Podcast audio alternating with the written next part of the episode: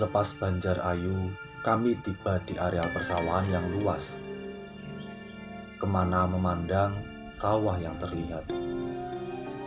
Lengkap dengan danau, orang-orangan pengusir burung, serta setumpak perumahan penduduk yang tampak di kejauhan.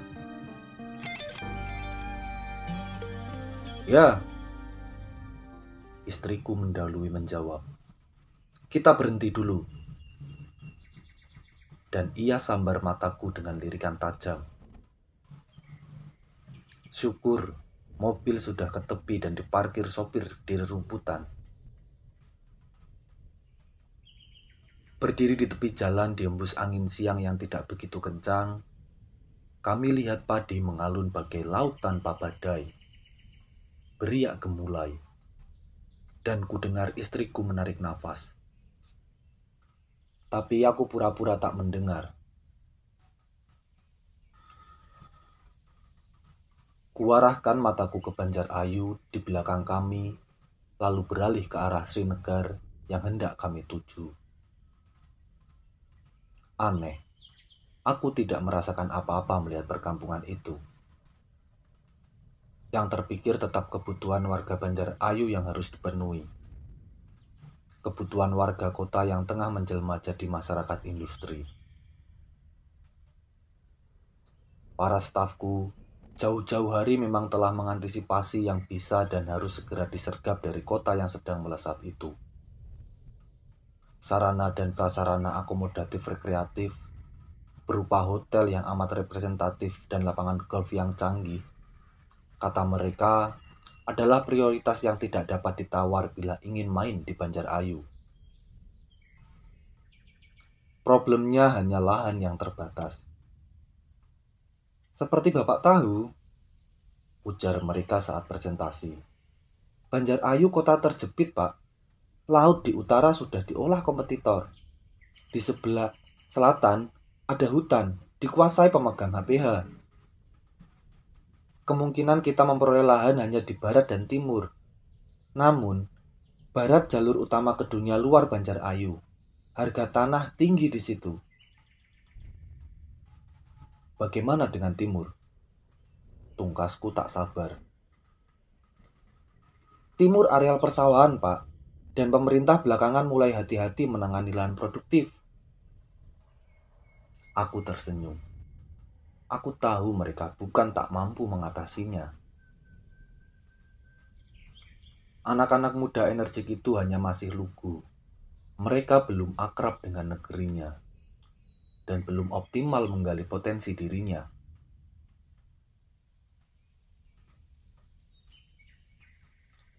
Di samping itu, kelihatannya mereka ingin memberiku tugas. Mungkin ada semacam keinginan untuk mencoba Apakah aku masih selihai dulu setelah kini tiba di puncak? Sekali lagi aku tersenyum. Lalu kutunjuk dua di antara mereka mendampingiku.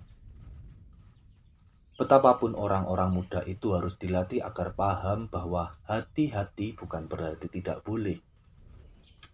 Tak boleh bukan berarti tidak mungkin. Mereka harus sadar, paham, dan tahu betul ini negerinya. Bukan negeri tempat mereka menuntut ilmu.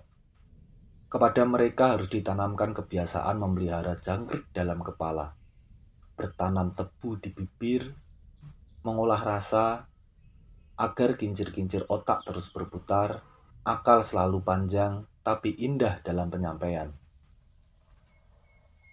Hanya itu kiatnya. Ujarku memberi petunjuk. Jadi bukan logika semata, baik menghadapi pemilik lahan maupun pemberi izin, berhasil tidaknya tergantung seni kita. Mereka manggut-manggut, dan saat rencana itu berjalan mulus, anak-anak muda itu tahu aku bukan macan ompong kendati tak semudah mereka lagi. Apa engkau pikir dia akan ada di rumah? Ku dengar istriku bertanya tiba-tiba, Aku tergeragap. Sawah penduduk Srinagar masih membentang di depan kami, dan istriku kembali menusukkan pandang waktu aku menoleh. Oh, Barul, kataku gugup. Oh, ya, mudah-mudahan saja ada. Namun dia telah mendengus dan bergegas ke mobil. Aku cepat-cepat mengikuti dan kami bergerak lagi menuju Srinagar tanpa bicara. Banyak istri yang senang suaminya berjaya di lautan bisnis, lalu mendorong mereka untuk lebih jaya dan jaya lagi. Tapi banyak pula yang risih dan sadar air laut cuma merangsang rasa haus yang tak habis-habis. Istriku tergolong regu terakhir ini di saat normal, sifatnya itu mungkin membantu menjadi rambu-rambu, melutupkan makna. Hidup pada hakikatnya memang bukan untuk meregu air laut, tapi isyarat-isyarat itu hanya sesekali terasa. Letupan-letupan kecil belaka. Selebihnya justru kurasakan sebagai gangguan, menjadi teror, rongrongan, atau bayang-bayang gerakan bawah tanah dan sempalan yang selalu siap mengkudetaku. Dan gejalanya sudah lama tampak. Sejak aku membumbung berkat kepandaian meramu logika dengan rasa, sambil terus bertanam tebu di bibir, sejak paham hati-hati bukan berarti tidak boleh, dan tidak boleh bukan berarti tidak mungkin, yang berarti bahwa semua hal bisa diatur dan dalih partisipasi membangun negeri demikian ampuh sekaligus fleksibel. Yang terakhir dan memusingkanku, ketika ia ikut campur dalam kasus Banjar Ayu Srinagar, tiba-tiba saja rencana itu ia tohokkan sebagai sesuatu yang menyimpan mudarat daripada manfaat. Jangan keliru menilai. Jawabku meluruskan pikirannya. Ini bukan pure bisnis kita memberi yang mereka butuhkan. Dengan itu, kita ikut menopang Banjar Ayu, menciptakan struktur perekonomian Banjar Ayu yang semakin kokoh dan lebih mantap. Dengan mengorbankan mereka yang tidak ikut serta dalam pertumbuhan. Tanyanya sinis. Tidak, Ma. Mereka akan ikut serta. Percayalah. Mereka mungkin terpaksa ikut untuk tetap hidup tapi mereka akan gagap dan terlunta-lunta. Tangan mereka yang terbiasa dengan sawah akan mencampakkan mereka dari jasa atau industri yang papa paksakan. Aku terkesima, dan dia menatapku dengan mata yang aku segani semenjak gadis. Tahu siapa di antaranya petani Srinagar itu? Tanyanya lagi. Aku menoleh tanpa kata. Bahrul! Kukerutkan keningku. Lupa, Bahrul, sahabat kita di SMA Bululoh Cino. Aku seret ingatanku ke masa puluhan tahun yang silam dengan sulit. Lapat-lapat memang terbayang wajah kawan sekolah itu, yang tubuhnya kurus dan agak pendiam karena miskin. Serta persahabatan kami yang akrab bertiga sebelum sekolahnya macet lantaran ayahnya mati Aku juga melintas peristiwa dan hari-hari yang menyenangkan dulu. Tetapi apa artinya itu kini? Hidup toh tidak pernah lari ke belakang dan berhenti di titik-titik tertentu, walau itu indah sekalipun. Kemarin mama terima surat Bahrul. Dia cerita betapa sawah-sawah itu amat berarti buat dia dan penduduk Srinagar. Bukan cuma nilai ekonomisnya, juga historis serta kepercayaan mereka bahwa warisan sangat tidak layak dijual. Ini, cobalah baca sendiri. Aku baca surat itu dengan setengah hati. Ketika pembebasan sebagian sawah penduduk Srinagar itu tetap berjalan, karena hidup tidak lari ke belakang dan tegak di satu titik, dan istriku tahu bukan kepalang marahnya dia, Mari kita berpikir tentang ajal. Raungnya bingar. Tentang kematian. Tentang uban di kepala kita yang semakin banyak. Aku tertunduk. Akulah pelaut yang jaya di laut namun oleng kemoleng dan terkapar di darat. Akulah pria yang tertekuk lutut di bawah kerling wanita sudah saatnya kita memikirkan kuburan. Sembur istriku lagi dengan mata menyala-nyala. Berpikir tentang tanah berukuran satu kali dua meter yang tak lama lagi akan kita huni. Aku makin tertunduk. Tugas kita telah selesai di dunia. Anak-anak kita sudah dewasa, cucu-cucu telah lahir. Mereka aman, sejahtera. Tiba waktunya kita menyempurnakan tugas akhirat sebelum terlambat. Tidak lagi sibuk dengan urusan-urusan dunia, menancapkan duri ke jantung orang-orang yang lemah. Hentikanlah semua itu.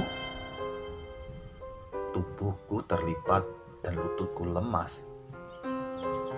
Syukur anak sulung kami datang bersama istri dan anaknya. Cucu kami serta merta lompat ke pangkuan istriku. Dan bebaslah aku dari deraan dunia. Namun tiga hari lalu, secara tiba-tiba ia minta diantar ke Srinagar. Setidaknya aku bisa minta maaf kepada Bahrul serta keluarganya. Katanya dingin, juga pada penduduk Srinagar. Itu tidak perlu, Ma. Mereka ikhlas. Tanah mereka kita bayar tinggi. Kataku membujuk tetapi mataku segera ditikamnya dengan lirikan. Aku buru-buru menyetujui. Paling tidak, itu lebih aman ketimbang dia buka front yang lebih riuh lagi.